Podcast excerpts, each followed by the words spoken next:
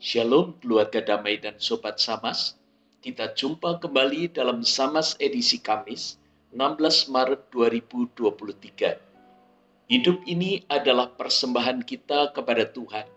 Karenanya kita perlu merenungkan apakah kita sudah memberikan yang terbaik baginya. Mari kita berdoa. Bapa, kami sungguh bersyukur atas kesempatan hidup yang Engkau anugerahkan sampai hari ini. Berikan kami hikmat agar dapat mengisi hidup kami dengan baik, sehingga menjadi persembahan yang harum bagimu. Dalam nama Yesus kami berdoa. Amin. Keluarga damai dan sobat samas, firman Tuhan hari ini diambil dari surat Efesus pasal 4 ayat 25 sampai 32 saya akan membacakan ayat 25 sampai 27. Ayat selanjutnya dapat dibaca oleh Bapak Ibu sekalian. Karena itu, buanglah dusta dan berkatalah benar seorang kepada yang lain, karena kita adalah sesama anggota. Apabila kamu menjadi marah, janganlah kamu berbuat dosa. Janganlah matahari terbenam sebelum padam amarahmu dan janganlah beri kesempatan kepada iblis. Keluarga damai dan sobat samas yang dikasih Tuhan, di hari ke-20 dalam masa prapaskah ini, kita diingatkan akan dua hal yang bisa membahayakan, yaitu dusta dan kemarahan. Dusta atau kebohongan bisa dikemas dengan sangat indah dan menarik, menabur pesona, namun menimbulkan luka. Ada pendapat bahwa Berbohong boleh dilakukan dalam kondisi tertentu jika demi kebaikan, karena bisa meminimalisir segala kemungkinan konflik yang bakal timbul. Kebohongan seolah-olah bisa dipisahkan menjadi pro-social lies dan selfish lies. Kebohongan seakan menjadi bisa diterima saat kebohongan itu bukan sekedar untuk kepentingan diri, dan mengorbankan orang lain. Saat ingin menjaga perasaan orang lain, saat akan memberikan kritik, atau saat ada agenda spesial, kebohongan seolah bisa ditolerir. Maka kebohongan pun dipelajari sedemikian rupa, bahkan muncul di art of lying, seni berbohong. Jadi bagaimana dengan keluarga damai dan sobat samas? Apakah kita juga sudah menguasai dan sudah terampil untuk menggunakan art of lying? Bacaan hari ini memberikan sikap tegas terhadap dusta dan kemarahan. Dusta adalah sesuatu yang tak pernah bisa berdiri sendiri dan akan terus beranak pinak melahirkan dusta lain untuk menutupi dusta sebelumnya. Dusta akan membuat seseorang kelelahan dan tidak bisa hidup tentram karena selalu gelisah dan terus berusaha agar dusta yang dilakukan tidak diketahui orang.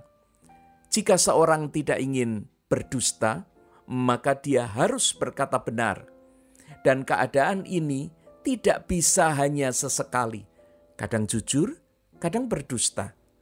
Seseorang yang masih sering berbohong tidak akan disebut sebagai orang yang jujur sehingga kejujuran merupakan bagian dari integritas seseorang yang harus terus-menerus terjadi dalam hidupnya. Dalam bacaan hari ini, Paulus mengingatkan jemaat di Efesus agar mereka membuang semua dusta. Ini berarti semua potensi untuk berdusta itu pun harus dibuang. Dia tidak perlu menyisakan sedikit pun kepandaian untuk berdusta dia tidak perlu khawatir kalau suatu saat dibutuhkan, maka dia bisa lupa tentang cara berdusta. Bahkan dia harus terus membiasakan untuk berkata benar seorang kepada yang lain dalam kehidupan berjemaat. Latihan membuang dusta yang efektif adalah transparansi hidup dalam tiap komunitas di mana kita berada. Berkata benar seorang kepada yang lain merupakan motivasi yang menguatkan. Kalau lingkungan kita sama-sama jujur, lebih mudah mendorong kita untuk jujur pula. Sebaliknya, jika kita berada di lingkungan pendusta, maka godaan untuk berdusta juga akan semakin besar. Sikap tegas yang kedua adalah tentang kemarahan. Kalau dusta memperanakkan dusta, maka kemarahan akan mengakibatkan perusakan atau kerusakan. Kemarahan akan membuat seorang melakukan perusakan, baik terhadap orang lain maupun dirinya sendiri. Kemarahan membuat seseorang ingin melukai orang lain, bahkan jika dia sudah terbiasa melakukannya, akan tidak terkendali. Sulit diduga kapan dia bisa menghentikannya. Tidak ada orang yang marah lalu menjadi lembut dan penuh kasih Sebaliknya, ia akan melampiaskan lebih menyakitkan dari apa yang ia alami atau rasakan.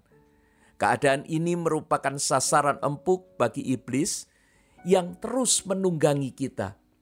Dia cukup memprovokasi, ngomporin kita, selanjutnya cuci tangan, karena kitalah yang harus menanggung setiap akibat beserta hukumannya.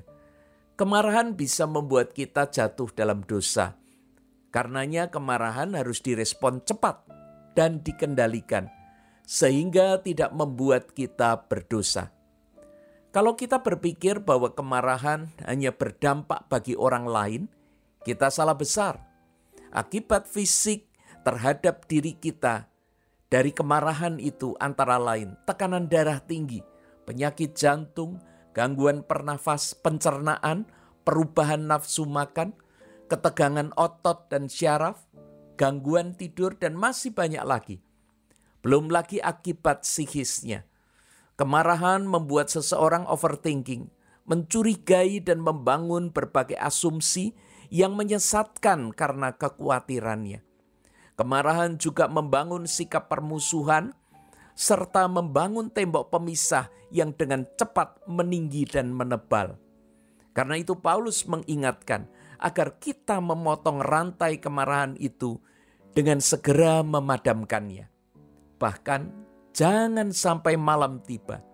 Saat istirahat dan seorang yang sedang marah itu tinggal seorang diri, maka pikiran-pikiran liarnya akan menguasai dan terus berkembang.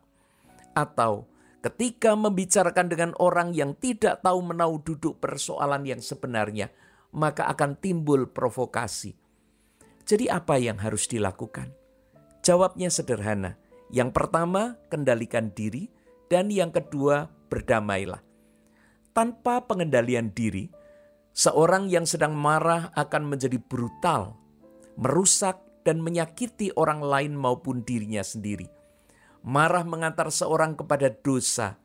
Karena itu harus dikendalikan agar kita tidak berbuat dosa.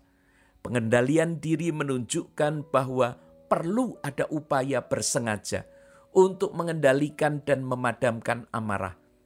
Semua itu tidak otomatis. Bahkan pengendalian diri tidak semudah membalikkan telapak tangan. Kalau kali ini gagal, harus terus dicoba lagi. Terus dicoba sampai berhasil. Tiap dosa yang terjadi akibat kemarahan merupakan buah karya iblis karena itu jangan pernah memberi kesempatan kepadanya.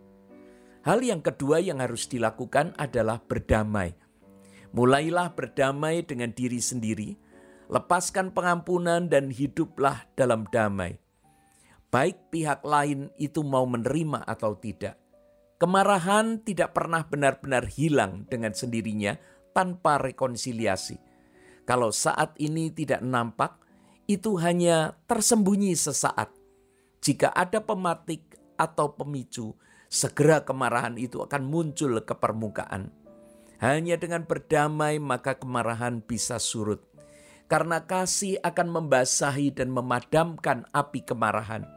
Damai mengubur kepahitan, kegeraman, kemarahan, pertikaian, dan kejahatan.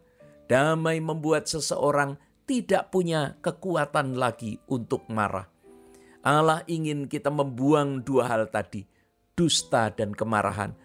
Allah tidak ingin hidup kita dihancurkan oleh iblis dan dosa. Dia sedih melihat kita kelelahan memikul beban karena kebohongan yang kita buat. Serta kepayahan karena luka-luka batin yang menganga akibat kemarahan.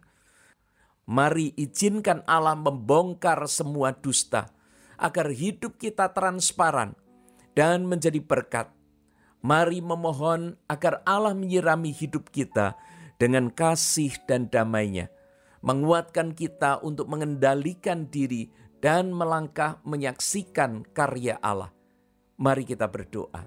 Ya Allah, lepaskanlah kami dari kebohongan yang melelahkan, serta berbagai kepahitan dan dendam akibat marah, agar kami merasakan sejuknya kasih dan damai-Mu yang meringankan langkah hidup kami, karena Kristus telah menebus kami dari dosa dan kesia-siaan. Amin.